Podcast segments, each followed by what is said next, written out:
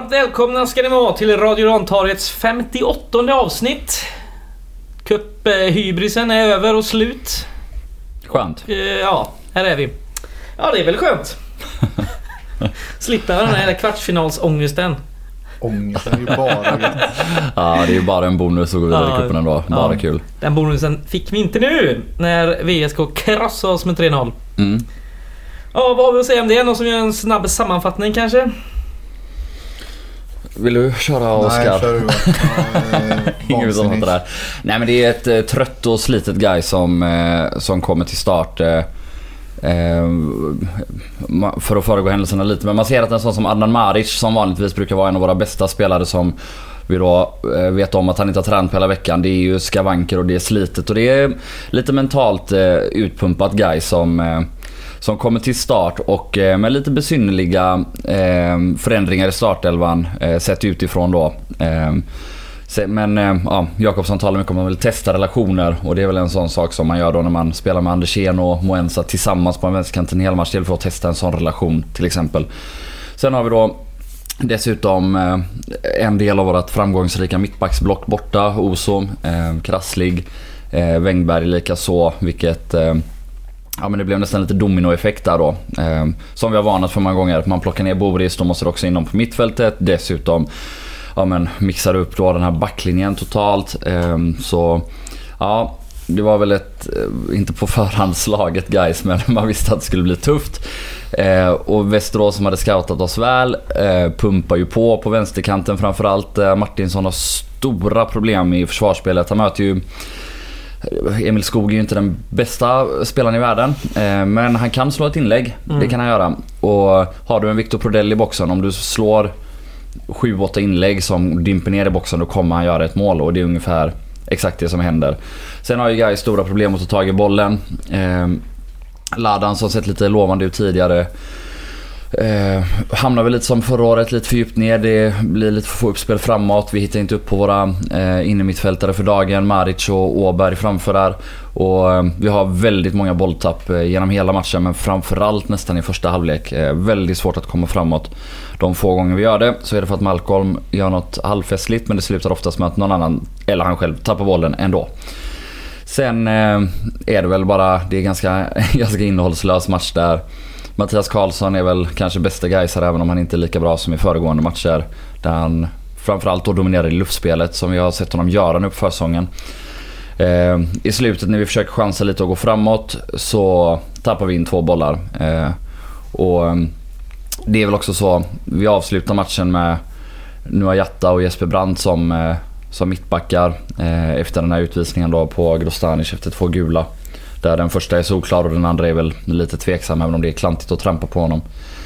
Ehm, och ja, man kan väl hänga Jatta lite grann i den här situationen vid 2-0. Samtidigt är det så att det enda nästan läget vi har i den här matchen är Jattas väldigt fina crossboll till Julius Johansson som han Mm. tvekar lite på istället för att försöka stöta in eh, i slutet. Och, ja, där hade vi väl någon liten mikrochans till att göra 1-1. Så, så pass eh, jämnt och ojämnt är det i fotboll att något som är väldigt nära, eller inte väldigt nära men som är halvnära att kunna bli 1-1 och kvartsfinal till Gais blir istället 3-0 och en defilering in i mål av, av Västerås där vi tappar greppet lite de sista minuterna. Så är det. Även ett rött kort också va?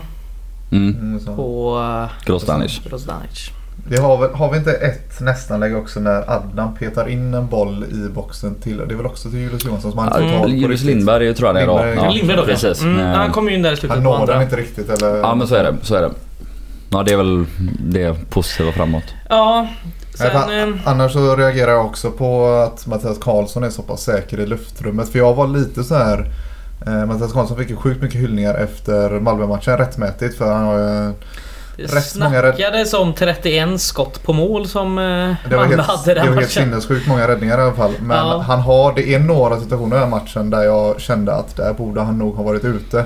Ja, det var hörnor bland annat och sådär. Ja, det är väl en hörna egentligen. Han Ja, plockar men det ju var- några hörnor men Ja, det är en ja, ja. hörna som... Och så är det någon Något mer läge där, där han står ja, lite bollen långt in. studsar in i boxen eller någonting. Jag tycker han borde ha kommit ut där bollen är rätt nära, nära honom. Men i den här matchen så är han rätt så klockren i luftrummet vad jag kan se. Vi eh, kan väl nämna att vi var där och satt på ena kortsidan och mm, ser sådär i vissa av situationerna men han ser Mm. som sagt riktigt vass ut i luftrummet och ser självsäker ut på ett sätt som han ofta inte gjorde i förra säsongen just i det momentet.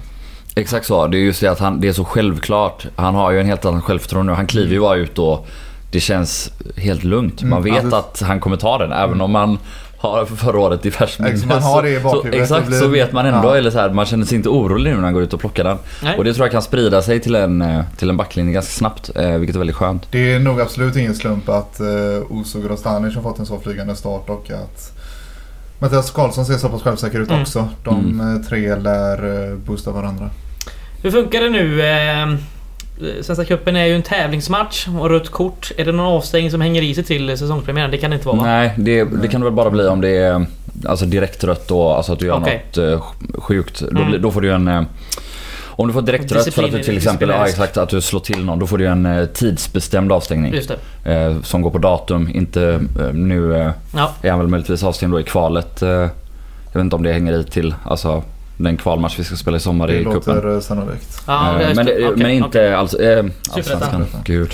Superettan. Inte allsvenskan som Nej. vi vet. Som vi mycket väl vet. Rub it in. Eh, vi kan väl prata lite om eh, tappet av de här spelarna. Eh, vi har just eh, Boris som får kliva in som eh, mittback istället. Eh, det ställer ju till det en del kan man tycka. Mm. Mm. Ja, vi har väl pratat om det hundratusen gånger. Ja, det har vi. Och jag tycker Eh, vi kan stänga det här snacket nu för ja, han ska det- inte vara Han mittback. ska inte vara mittback. Och som alla vet nu, det är av två anledningar. Han är inte lika bra som mittback. Han är okej. Mm. Eh, Det är inte Boris vi ska hänga här, men framförallt så tappar vi ju hans dimension på mittfältet. Ja. Både bollvinnandet, men också den här... eh, Om vi nu ska spela oss ur situationer där vi är lite trängda. Att då kunna ha Boris där. Han kan ju ofta ha två gubbar i ryggen. Ja. Och, ändå, och han kan ta en dålig touch. Ja, Och ändå kommer de inte åt honom för han har den liksom. fysiken. Mm. Eh, och så kan han spela sig ur. Så han, alltså han är så jävla gjuten på den där sexan, eller i den där sexan-rollen så att det spelar ingen roll vem som är skadad någon annanstans. Alltså Boris måste vara sexa just för att han är våran bästa sexa. Mm. Känner jag. Och, och det blir extra tydligt i, på gott och ont så blir det extra tydligt match mot ett sånt här lag. Eh, en sån här viktig match där vi dessutom går in i matchen då och kan spela på krysset. För då blir vi naturligt mer defensiva, vi ligger lägre men utan Boris på mitten så klarar vi inte av det defensiva spelet. I synnerhet när vi bara spelar med en sexa. Ja. Det hade varit skillnad om vi som andra cupår hade mött ett division 1 eller division 2-lag i den här matchen förväntades dominera. Då är det mycket lättare att spela med Ladan som ensam sexa men det funkar inte mot ett vilt svingande Västerås. Mm. Uppenbarligen. Och om vi ska föregå lite diskussion då om trupp och så. Att nu tycker jag då om man inte redan hade det från förra året som jag tycker att... eh, Men nu har vi det här definitiva kvittot att vi behöver ha in en mittback till. För det är också Ja. så här, om vi hade snubblat in en boll där i slutet och gjort 1-1. Då hade vi stått med noll mittbackar i en eventuell kvartsfinal. Mm. Alltså noll. Mm. Det, det funkar inte. Nej. Det gör inte det. Nej. Eh, nej, det är det, har varit, det har varit gött att få möta Norrköping och så startar vi med Brant och Noah Jatta. Ja, det är ju... det är kaxigt. Ja, det är kaxigt. Ja, dumdristigt kan man också säga att det är men... Ja, absolut. nödvändigt om vi inte har någon annan Ja, det blir det ju. Det blir det ju. Men eh, då har man sig själv att skylla kan man ju säga då. Mm, För man har haft tid på sig att värva lite mittbackar. mm. Vi Nej, men kan sen- ta den här diskussionen lite mer eh, såklart. Ja, senare.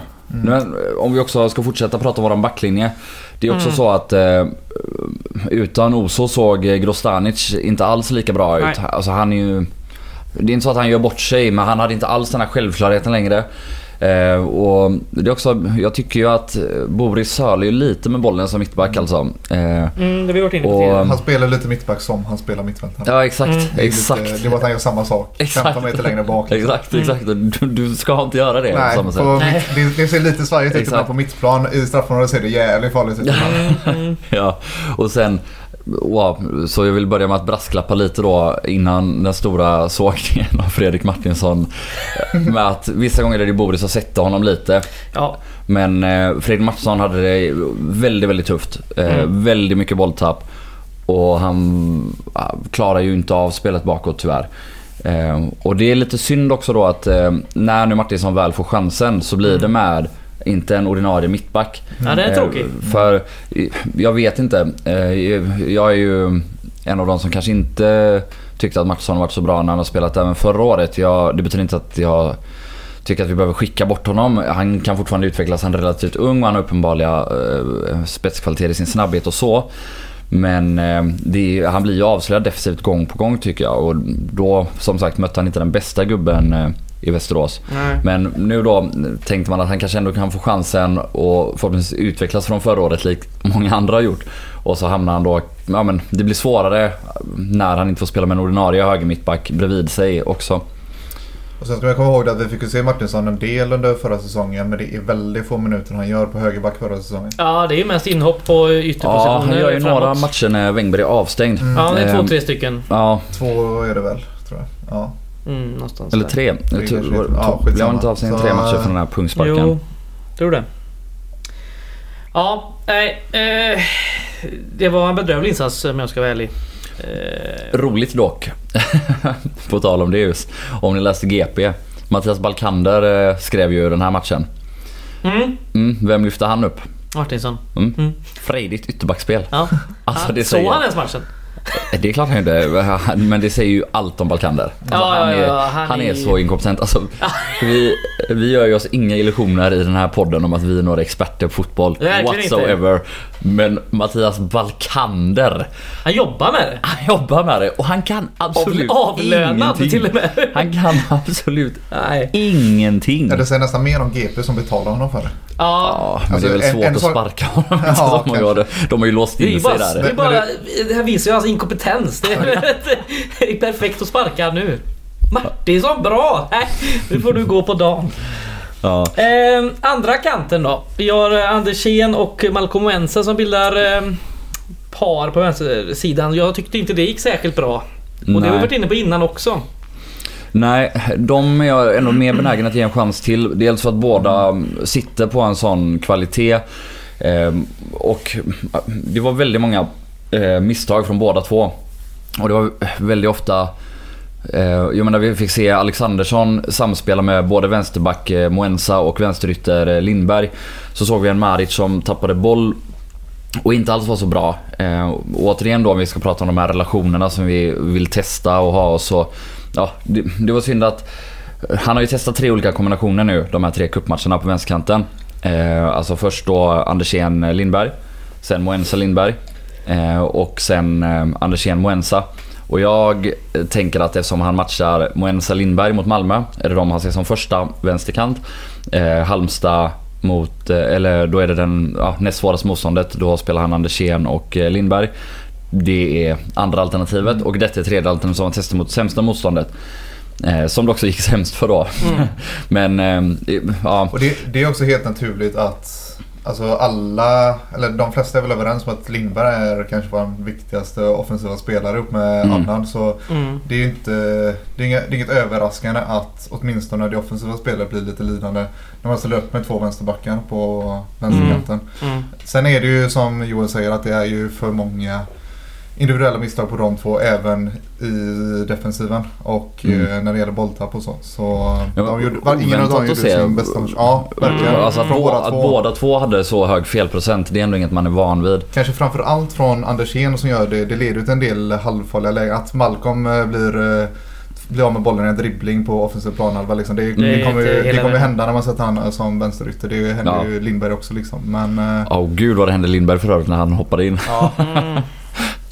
Ja men skitsamma. Det, eh, jag, jag tror att vi ändå kommer kunna få se den kombinationen flera gånger i år och att det kommer vara helt okej. Mm. Eh, alltså då antingen efter byten när man vill stänga en match eller Precis. ibland om man vill trycka på framåt. eh, Att man knuffar upp och in Lindberg eller dylikt. Och att man vill ha Malcolms inläggsspel mer. Eh, Ja, det här kändes, det kändes lite mer som ett olycksfall i arbetet för de två herrarna för det var sån Ja. hög individuell felprocent. Eh, Det var ju en Sen- ganska blek insats över hela banan och hela Mm, laget. Ja. Även inhopparna. Det var ju inte någon som direkt, förutom Karlsson kanske, som stod ut nej, på något fint sätt. Nej, alltså det är ju inte godkänt. Även om, eh, även om man i viss mån förstår att det är tungt och det var många små skavanker och, och trötta hjärnor och ben. Men Mm. det ska man ju klara av också. ja, Och- det är inte så att det är tre dagar mellan matcherna heller. Utan man får ju, man får ju sin vila liksom. Ja, Exakt. Ja, Och sen Adnan då halvskadad och sådär. Men eh, nej, det är klart det är underkänt. ja. Oavsett förutsättningarna. Sen kanske vi kan diskutera detta... Eh, vi har ett covid-fall för första gången på hela den här pandemin. Nej. Chirac hade ju covid i flera, i fem veckor förra året till exempel. Var det så? Ja. Nej, det här kommer inte ens jag ihåg. När var detta? När han rehabade. Han rehabbade. Så Ja, förlängdes ja, ja. ju hans rehab Ja, ja, en okej, månad. ja, ja. Men det är ingen sån här scare som drabbar liksom truppen Nej. i ett i större sammanhang. Som det har gjort för väldigt många motståndare. Mm. Vi hade Eskilstuna hade väl en 10-11 ma- eh, spelare borta i början av förra säsongstarten. Ja. Och så hade vi Trelleborg med sex spelare borta när vi mötte dem på sommaren. Mm. Och vi har varit, eh, så sätt då, relativt förskonade Mm. eh, tills nu. Nu var tre spelare borta. Eh, ett konstaterat covid eh, positiv Mm. test. Och resten som testades eh, testade ju negativt i, Mm. eh, när det var i fredags. Ja, det gick ju på någon timme de där svaren tror jag.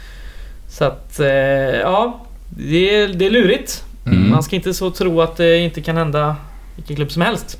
Det har väl hänt, som sagt, flera klubbar.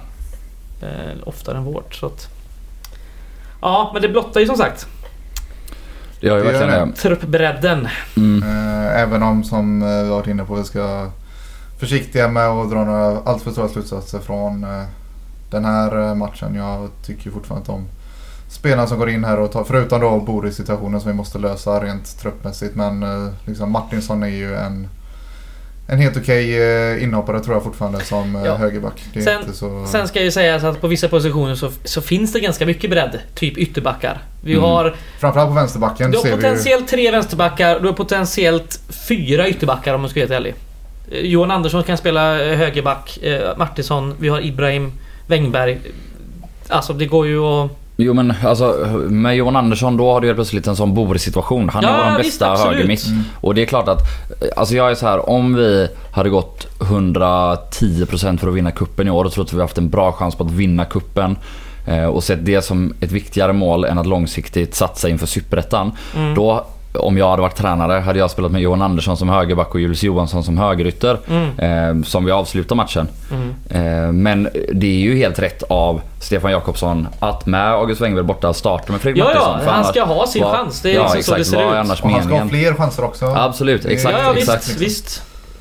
Och det är en sak som, alltså det är uppenbarligen så Jakobsson jobbar. Han, eh, han ger ju Jatta chansen förra året mot Norrby borta om Boris eh, skadar sig för 30 minuter istället för att ja, men, flytta runt hela laget. Utan han, då kör han ofta ett rakt positionsbyte. Mm. Eh, och ger den här unga personen chansen. Och det har vi ändå sett löna sig med både, båda Juliusarna till exempel som har haft jätteutväxling liksom. Och Åberg. Ja, Åberg också för den delen. Ska vi prata om truppbygget då? När vi ändå glider in på det så fint. Börjar Ja. med nyheten som kom igår eller? Japp. Jesper Brandt eh, utlånad resten av säsongen till Utsikten. Väntat, eller? Nej. Mm, nej det Alltså- var det väl lite. Men eh, alltså det är så här. Ja, han är ju en jättebra truppspelare och han har kunnat göra jättemycket nytta här. En bollvinnare som nu verkligen bara har en kvar i den här truppen om man ska vara Ja, På mittfältet. jo lite så är det väl. Men, eh, men ja, samtidigt det är, han, han kommer ju inte vara avgörande Nej. för guys varken från eller till tror jag. Eh, även om han hade gjort mycket nytta som sagt. Eh, men framförallt är det väl så att då, om man börjar räkna skallar nu Mm. med Brant borta och om vi räknar bort då de långtidsskadade eh, och oavsett hur man tänker om Järvsvatt där nu så är det, det ska väl in Det är 18 två- två- utespelare sa vi. Ja, så, förutom de långtidsskadade då. Ja, precis. Och om jag inte minns fel så snackade väl Karlström i höstas här om att han såg det optimala som 22 eller? Och alltså att då skulle ett gäng av dem vara unga. Eh, det ska inte vara... Ja, var det 22? eh, Ja, det kanske det var. Skitsamma. Det ska vara mer än 18 i alla fall. Ja. Och det är väl så att en forward och en mittback ska in. Mm. Som vi har pratat om ganska Ska länge nu. absolut hoppas det. Och att Brandt försvinner tyder väl på att det är på gång. Antar jag. Ja. En mittback måste in. Det kan vi konstatera. För det ser oer, oerhört tunt ut. Jag, jag funderar på det där i, eh, efter Västeråsmatchen. För min eh, omedelbara reaktion var också att eh, alltså, vi har mer problem på mittbacken än vi har i anfallet. Om man ska väga de två mot varandra. För Mm. jag tror och hoppas som sagt att det kommer en utav varje. Mm. Men sen så börjar jag fundera på sådär ändå att om man, om man tar de spelarna som är förmodat hela till säsongstart. För då ska vi ha in Hultqvist Mm. i det här laget. Och då börjar jag fundera på om inte jag hellre får in en anfallare än en mittback till. Ja, Jag tänker exakt så som du säger nu. Alltså först och främst ska det in en anfallare till.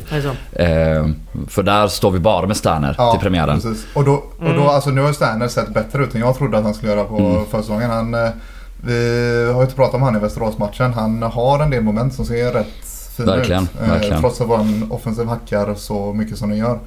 Eh, jag känner mig inte jättenervös med att ha Sterner som startspelare längre. Ehm, jag är inte alls säker på att det blir så men eh, det ser ju definitivt ut som en möjlighet. Men det funkar ju inte att ha Adnan som andra alternativ som nia. Liksom. Det, det funkar inte. Och eh, ser gärna, som vi var inne på tidigare, en spelare som kan spela både nia och i en av de positionerna där bakom. För Adnan, Åberg, Alexandersson på två positioner är eh, på gränsen till att vara tunt också. Så en spelare som kan hantera de två positionerna ser jag nästan som viktigare än en mittback. Mm, definitivt. Jag skriver under på varje ord där. Mhm. Men eh, som sagt, vi hoppas ju att det här eh, tyder på att vi får in två spelare till här nu. Mm. För eh, det, det är tunt om vi ska ha de här tre mittbackarna som vi har nu i truppen.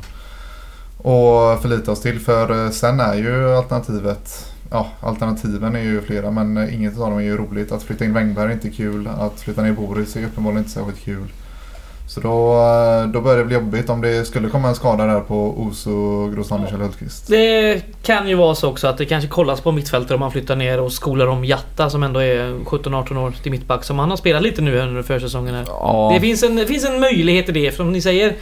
Med de tre mittbackarna vi har nu som hela så... Det, är- det är ju det är en det finns alltså. massa scenarion. För, men, för eh, ett år sedan så var det ingen som förväntade sig att vi skulle skola om Grosanic till, eh, exakt. till mittback. Så det, vi har ingen aning hur diskussionerna ser ut med, med en kille som Jatta.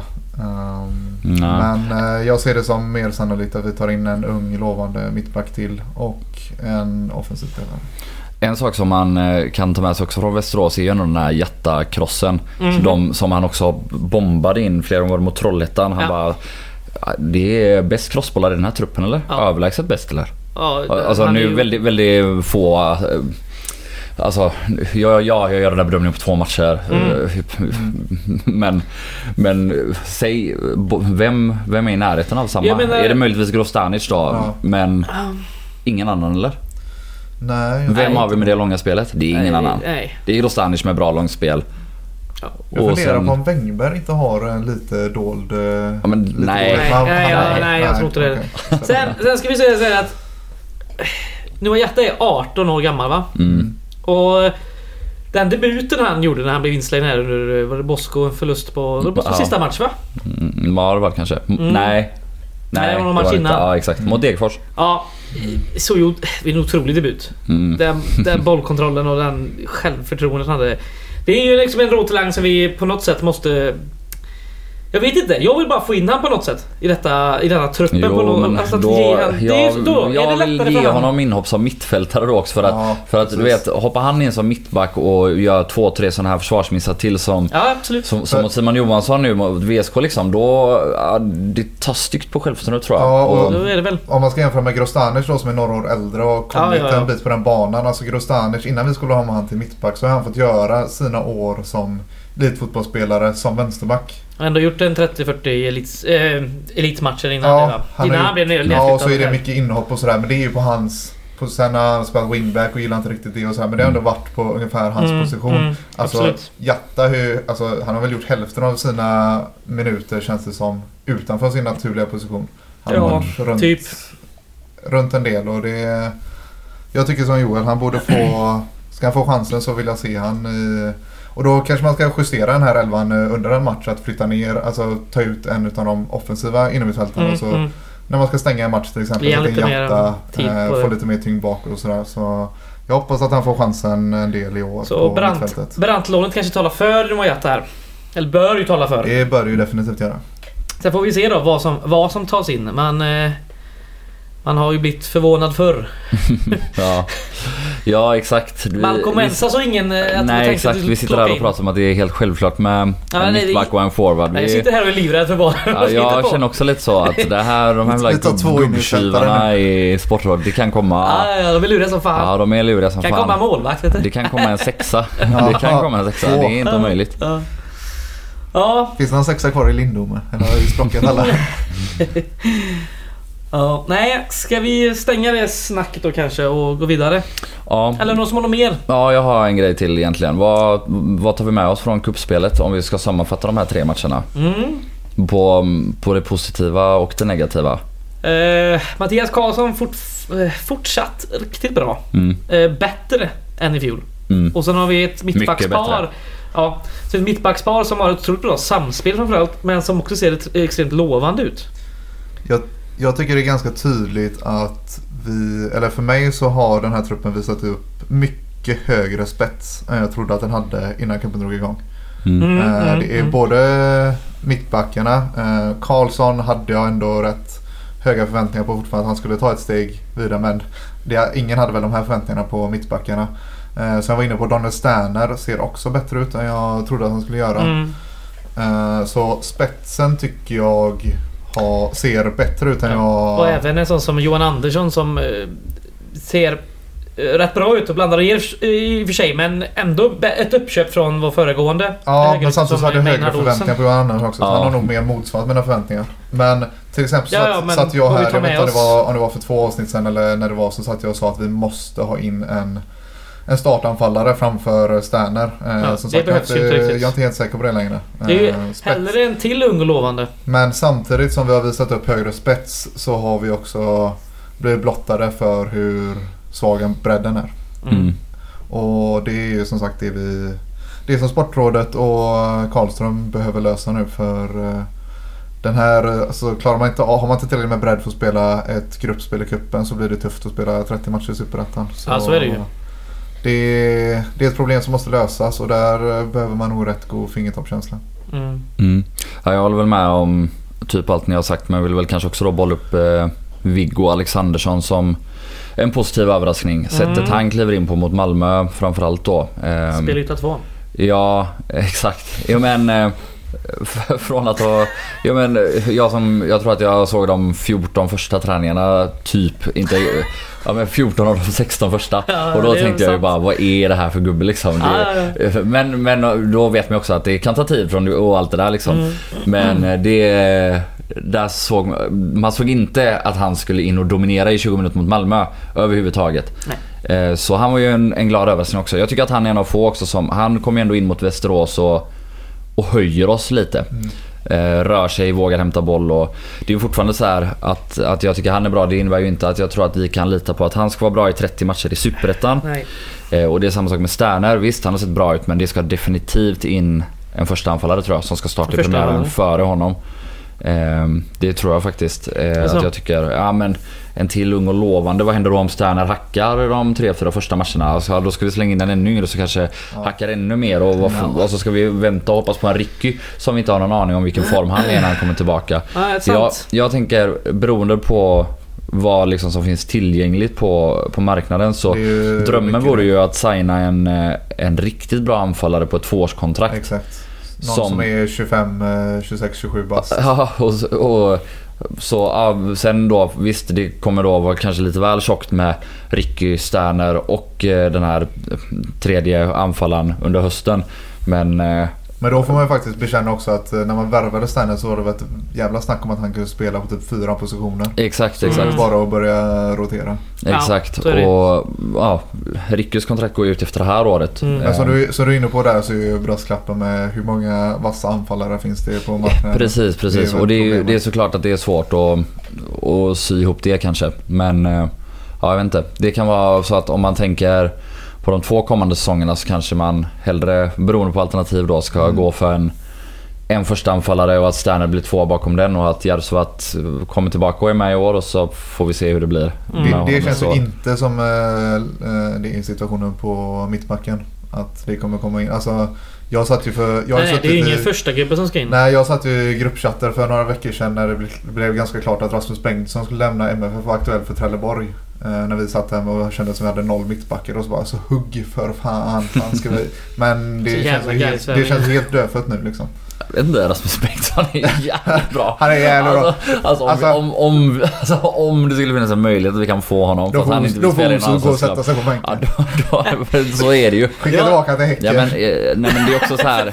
Nej men Ras, Rasmus Bengtsson kan ju lära Grostanic Exakt, det- massvis. det hade- Jag, varit- det jag är såg ju på dröm. Twitter att hans flickväns morsa bor där uppe i Masthugget faktiskt. Så att eh, du ser, kopplingen finns. Ja, han sitter och pendlar. Han får göra som Charlie Weber och pendla mellan Skåne och Göteborg. Han får bo hos svärmor. Ja, Ja, det vore ju en helt sinnessjuk värvning. så är det. Men jag tror inte den är så Vi har ju inte en enda gubbe över, över 30 i den här truppen heller. Nej. Inte Boris över 30. Nej, 29. Ja. 91 va? Fyller 30 år, tror jag. Mm, det låter rimligt. Ja, Uh, ja. det är för dåligt. Man gillar gubbar över 30. Och, Jo men antingen ska du in en Emil Wahlström eller Rasmus Bengtsson. Ja. Inga jämförelser. Inga, inga jämförelser mellan dem i övrigt. Eller en ung gubbe som kan tänka sig sitta på bänken. För Ja. det är väl så att de tre vi har nu är väl alla har väl alla, eller ja, Grostanic har visat sig vara startalternativ och Karlström och, och många andra runt klubben har jag pratat om, om att Hultqvist också Mm, definitivt är det. Så det är väl de tre vi vill ha och satsa på kanske. Så den fjärde ska väl eventuellt vara en gubbe som helst är beredd att sitta på bänken och vara en, Ja. en nyttig truppspelare. Så då kanske Wahlström och Bengtsson faller på det båda två. Det känns inte som bra truppspelare direkt någon av de två. Ka- Kaxigt att stänga Bengtsson och sätta honom på bänken. Ja, det Det ska värma den här jävla Grostanic. bänken. Ja, sen får man ju ändå... Um, på det långsiktiga tänket hoppas att Hultqvist um, ser bra ut och fin. mm. Jag, För eh, jag, och så vet vi det, han har vi bara detta året liksom. Mm. Ja. Eh, Om vi trodde att vi kanske kunde fått Charlie Weberg att stanna kvar så är det nog chansen att få Ayam Osso stanna kvar efter den här säsongen Ja, ganska du låg. tänker lite fel där tycker jag. För skillnaden är att eh, Helsingborg, vilka mittbackar har de nu när Charlie Weber ska tillbaka och konkurrera? Ja, då, vad menar du? Ja, Han får, han får inte ens spela på försäsongen förstås. För, för, eh, hos, eh, Det har han visst fått göra. Jo, det har han gjort en del. I början var han knappt göra det. Ja, han spelar mot Häcken nu till exempel i kuppen. Ja. Skitsamma, vilka, vilka mittbackar har han att konkurrera med? Det är inga jävla jättenamn liksom. Eh, Alltså, Charlie Weber går ju tillbaka till ett superettanlag och Ayamusu kommer gå tillbaka till förmodat Ja, ja, topplag. som, har, som har fyra mittbackar som är bättre än honom om nu Lindgren på ett år till. Men Lindgren och Toivio, eh, Tobias Karlsson och Johan Hammar. Det är mycket svårare att ta en plats där än vad det är i ett nedflyttat pissdåligt Helsingborg. Jo, så så sätt kanske vi har chansen att få honom. Eh, Sen- han sen han har fortfarande ett kontrakt över nästa år Ja, som det ska Jag vet. lösas liksom. Ja, jag vet. det är, Jag vet, men Häcken har ju släppt folk gratis utan Ja, vidareförsäljningsklausul förr. Så. vi men får om- se. Det är en fråga om 8-9 månader typ. Ja. Ja, om Ayamusu fortsätter se ut som Franco Baresi så kanske Häcken vill ha tillbaka Ja, det, liksom, det Men, finns en eh, jävla massa scenarier på det här Det är svårt att spå. spörsmålet. Ja, vi går vidare. Eh, om exakt en vecka, då är det årsmöte. Eh, nämligen. Kul. grej. Mm, det är alltid lika roligt. Inte lika roligt i år va? Roligt roligt, det beror på lite vad du menar. Att uh, man inte får vara på plats. Ja, så sett är det ju jävligt tråkigt. Ja, det är inte lika roligt. Får hoppas att det är lite bättre deltagarantal då. Dock, nu när det är på Zoom. Ja, det var ruggigt illa förra året. Ja, 110 stycken någonting. Det var, nej, det var inte bra. Så att... Gå på eh, års... Eller ja, koppla upp er till årsmötet. Era jävla lama djur. 2021, koppla upp er. Ja, nej, så är det ju. Eh, motioner snackade vi om lite förra veckan. Och eh, vi snackade även om det här precis när vi spelade in att de ska vara ute med kommentar fem dagar innan. Så att senast onsdag ska det finnas På guys.se. Race.se. E. Så att vi får vänta in det helt enkelt. Om det inte görs någon räd innan. Men eh, en av motionerna har ju varit uppe lite i media. Det är ju den motionen som du och Josef har skrivit då om eh, bojkott av Qatar-VM. Mm. Ja, både på Proletären och på fotbollskanalen.se. Mm. Har, det inte varit i GP också? Nej, det kanske kommer i GP då. Ja, Säkerligen. Har du snackat med dem? Nej, inte jag. Eftersom jag är med i Gårdakvarnens styrelse så tyckte jag det var lite oklädsamt att Mm. ställa upp i en intervju i GP även om det skulle vara som privatperson. Men eh, Josef har väl pratat med dem då. Så jag vet inte om folk har kanske redan läst där men jag vet, det är ju... Den moderna fotbollen överlag är ju väldigt problematiskt. Och det kan vara svårt att säga var ska man dra gränsen liksom. Men jag tycker ändå att eh, när man då talar om Qatar så är det så att För mig är den mest basala och fundamentala mänskliga rättigheten rättigheten att leva. Eh, sen finns det massa andra mänskliga rättigheter som också är jätteviktiga och som man absolut bör reagera mot om de eh, om de inte upprätthålls. Eh, men det, ja, någonstans liksom börjar det ändå bli gråzoner.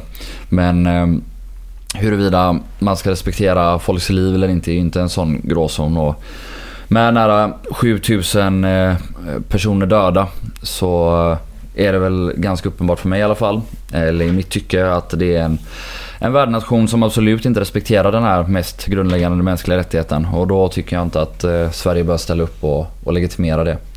Mm. Framförallt nu när eller så här, vi har ju en möjlighet att spela någon annanstans. Eh, det, ja, det är också, ingen vill väl ha VM i Qatar. Alla vet att det är... Det blir ju i december dessutom. Ja, men det, här, det, finns, det finns inte en enda anledning till att VM ska vara i Qatar. Förutom att de har köpt det för massa pengar och, och vill göra det till en stor politisk seger och ett stort politiskt projekt. Jag tycker inte man ska godta det eller godkänna det. Nej. Sen en viktig poäng som du har varit inne på lite i dina intervjuer i media är ju att det här egentligen första gången på länge som den, man säger, den nationella föreningsdemokratin i Sverige skulle kunna testas. Alltså mm. där man driver någonting utanför den egna föreningen. Nu har vi VAR som eh, fortfarande jobbas på vid sidan om och villkorstrappan dessutom. Men mm. att man dessutom då eh, pressar SV, testar att pressa SVFF till att agera internationellt. Och som eh, du var inne på i eh, dina intervjuer också så kommer ju det här från Norge som redan satt igång det här med flera av de största norska klubbarna. Mm. Som har röstat igenom liknande motioner på sina årsmöten. Men det är ju, det är ju faktiskt så att vi är så pass lyckligt lottade att vi har 51% regel i det här landet. Det innebär att det inte bara klubbarna som är styrda utav medlemmarna utan det är ju hela förbundsapparaten. Och det är väl en makt som inte utnyttjas särskilt ofta. På, och det kan ju ses som något positivt att vi inte har behövt göra det. Men det är ju det är en makt vi har och då är det det här känns som ett ypperligt tillfälle tycker jag att uh, sätta den på prov. Ja, håller med. Ja, har vi något mer inför årsmötet? Det kommer komma lite eh, reportage och eh, gräv, lite gräv kanske men ja, lite annat gött på elftematch.se va? Ja, vi har eh, lite idéer där som vi sitter och slipar på och jobbar på. Så det kommer komma ut en del artiklar där. Så håll utkik på elftematch.se både innan och efter årsmötet. Mm, bara inte göra någon mer sån här, eh, vad heter det, write-off på Brännströms uttalande där som Josef hade gjort alltså. Fan vad dåligt det var. Om, Brän, om, Brän, om Brännström uttalar sig om Gais årsmöte så lovar jag att vi kommer göra en på det. Ja, snyggt. Det vill jag jättegärna läsa. Jävla Josef alltså. Jag ska, jag ska ringa Brännström och fråga vad han tyckte om. Gör det. Vad har du för åsikter? Det är bra. Det är ju bra. Ja, det hade varit skitbra. Ring honom, men vad fan. Skriva om en pluslovsartikel, det är inget du gillar. Nej. ja, eh, så är det. Vi går väl rast vidare då, för eh, jag tror inte vi har så mycket mer. Så vi kör kulturtips. Jajamän. Jag har varit och käkat en hel på restauranger sen tiden. Netflix igen. Ja, i så fall får jag väl tipsa om eh, en bok. Bäst movie ever made, sen den är inte så jävla bra. ja, kulturtips låter väl skittrevligt. Eh, Oskar får börja idag tycker jag. Får jag börja? Ja. Fan vad gött. Eh, jag har hittat en ny restaurang som jag tycker väldigt mycket om. Mm -hmm. eh, det är så vitt jag vet en utav två argentinska restauranger i Göteborg. Varav den ena är eh, Buenos Aires eh, som ligger på... Har du varit på den? Buenos Aires? Jag var på den, den låg på Avenyn. Ja. Då var den keff eller? Ha? Den var rätt bra då. Alltså, alltså, jag vet inte riktigt. Jag har hört om... både och nämligen från eh, Alltså den är ju, nation, Det är så liksom. svårt att bedöma när det är, för det är ju svindyrt. Ja. Är det steakhouse? Uh, ja. Och alltså det var ju, det var ju bra liksom. Mm. Uh, sen var det bra sett till vad det kostade. Det vet jag inte. Jag har mm. bara varit där en gång liksom. Mm. mm. Men uh, det här är, om man säger det andra änden utav spektrat av argentinsk mat och heter Che Argento. Uh, ursäkta min spanska och ligger på uh, Sprängkungsgatan. Uh, kör huvudsakligen empanadas. Mm -hmm. uh, har en 10-12 olika empanadas att välja på. Luncherbjudandet är att man väljer ut två empanadas och så får man en soppa eller sallad och en brödbit för 99 spänn. Är empanadas argentinskt? Ja, det beror, det beror på vad du frågar. Exakt, Men, exakt. eh, Det är som ATT. Ja. Det är, ju- de kan ju hugga ihjäl varandra för att berätta att de var först liksom. Ja, ja. ja, det är sydamerikanskt. Ja, och, det, och det är exakt, såklart jävligt eh, viktigt eh, vem det är som, alltså det är givetvis skillnad på Ja, chilenska det finns empanadas. regional- Ja, ja, det är inte alls regionala. samma. Det är inte alls samma. Nej, nej, helt nej, olika. helt Ja, olika. Det är helt... Det är friterat bröd, med, skit. det är friterat bröd med saker i. Nej, Ja, ja. nej. Inte den... Nej, jag skojar. Ja, det, eh, det, det gillar du då. Det är bra. Det är kanon och eh, ett kök som alldeles för lite utav här. Det är, det är så dåligt. Du vill ha mer friterat. Jag vill ha mer, jag vill ha mer argentinsk mat. Ja, det, det, det skriver vi under på. Det skriver vi under på alltså. Det är, alltså vi har eh, När man 58... får 800 gram kött, en liten dippskål med chimichurri och en torr baguette. Ja. Det är livet alltså. Det låter gött faktiskt. Det är så jävla bra. Alltså det är verkligen det. det är, Alltså vi har 58 vietnamesiska restauranger i den här stan och två argentinska. Vad är det frågan om? Ja, det är Mm. fan sjukt. Att inte vara trötta på den här för. Det är också... ett, ett, ursäkta min eh, vietnamesiska men för. ja, jag tycker det var bra. Ja, tack. Eh, det, det, när, när jag har suttit och käkat där två gånger på Chargento och det är bra betyg ändå att typ hälften av kunderna som kommer in pratar sydamerikansk spanska. ja det är bra. Det är kvalitetsstämpel. Ja, Så in i helvete. ja. Det är som man ser en, eh, en eh, korvmoj med ja, typ med bärgningsbilar och sånt utanför. Ja, Ja, ja, då vet man ju att här är det ju riktiga grejer liksom. Mm. Det, de åker ju inte De åker inte till idiotställe. De åker inte till motoristen utanför, eh, Vara. utanför Ja, Vara. vilket ställe alltså. Det gör de inte. Ja. Eh, då är det ditt... eh, Jag kan ta ett i och för sig emellan här. Eh, gör som du vill. jag har varit eh, på SVT Play igen. Mm. Fan vad gött. Bästa streamingtjänsten i Ja, det är världen. tionde veckan i rad jag tipsar om det tror jag. Men eh, ja, det finns mycket gott på SVT Play. För, snabb fråga bara, la vi ens upp den här grejen som Josef Nej. att lägga upp på... Nej, jag orkar inte köta på honom så ja, ni får eh, hetsa Josef själva. Vad var det han skulle lägga upp? Josef, Josef får mycket skit Det var, här nu. det var Twitter om Ett SVT Twitterkonto. Dokumentär. Ja, exakt, exakt. Här får ni ett tips på en SVT Dokumentär. Det är en fransk dokumentär. Och det finns ganska många, eller har funnits ganska många franska typ dokumentärer på SVT Play om typ Hollywood. Och Hollywoods historia. Detta är en av dem. Den handlar om John Wayne. Mm. Denna Legend. eh, legend inom filmindustrin kan man säga. Väldigt eh, känd för action och western-rullar. Western-krig kan man säga. Snygg. Stilig karl var han eh, en gång i tiden. Sen blev han inte så jävla stilig längre. Men eh, ja, den är ganska intressant för John Wayne är ju eh, som säga, en omhuldad karaktär i amerikansk historia. Kan man säga så. Parodiserad och sådär. Alltid eh, känt sig som en karakar och liksom åt det där hållet. Mm. Och eh, han var en av eh, en av få Eh, stora skådespelare som inte åkte över och slogs i kriget. Varken i den asiatiska delen mot japanerna eller i Europa mot tyskarna. Där han stannade kvar och spelade in filmer. Och det hade han nog lite problem med resten av sitt liv. För han kompenserade för detta liksom senare i sin karriär och bara gjorde typ krigsfilmer. Och visade vilken hjälte han var och liksom sådana grejer. Eh, men det liksom kom ikapp han sen.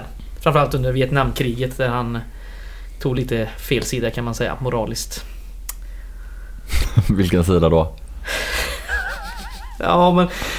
Det är ingen... det beror på vem du frågar. Ja, det, är, exakt. det är ingen stor eh, hemlighet att eh, USA förlorade det där kriget och han gjorde ganska mycket propaganda och Ja. ljugmedia och ljugfilmer kring eh, sanningen. Ja, det är väl Eh, fel forum att diskutera kanske men om de absolut. förlorade det eller inte kan man ju verkligen diskutera. De uppnådde ju, hur var det, 22 av sina 23 mål. Det var ju under den här tiden de hade, de räknade allt statistik. Eh, Det var, de hade ett väldigt ekonomiskt sätt att se på krigsföring. Jag tror att de uppnådde 22 av sina 23 mål. Eh, Ja, skitsamma. Det var Skitsamma. en snabb parentes. Ja. Eh, han var republikan också. Jag vet inte, jag tror det är på fel sida enligt Joel i alla fall. Eh, och sen dog han i lungcancer. Tror du att jag är amerikansk demokrat eller? Sjukaste jag har hört.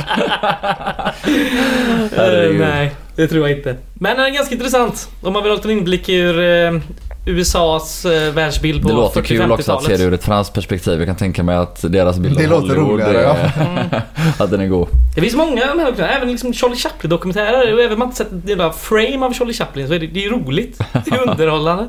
Så ja, ta en kik på Har du inte Play. sett, eh, vad heter den, diktatorn? Nej, jag har inte det. Har du det? Ja. Varför det? Va, va, varför inte? Det är en otrolig Jag klassiker. där. tror... Nej, jag har inte sett den. Fan vet om inte vi såg den i skolan i och för sig. Sjukt. Ja. Ja, vad har du för tips då?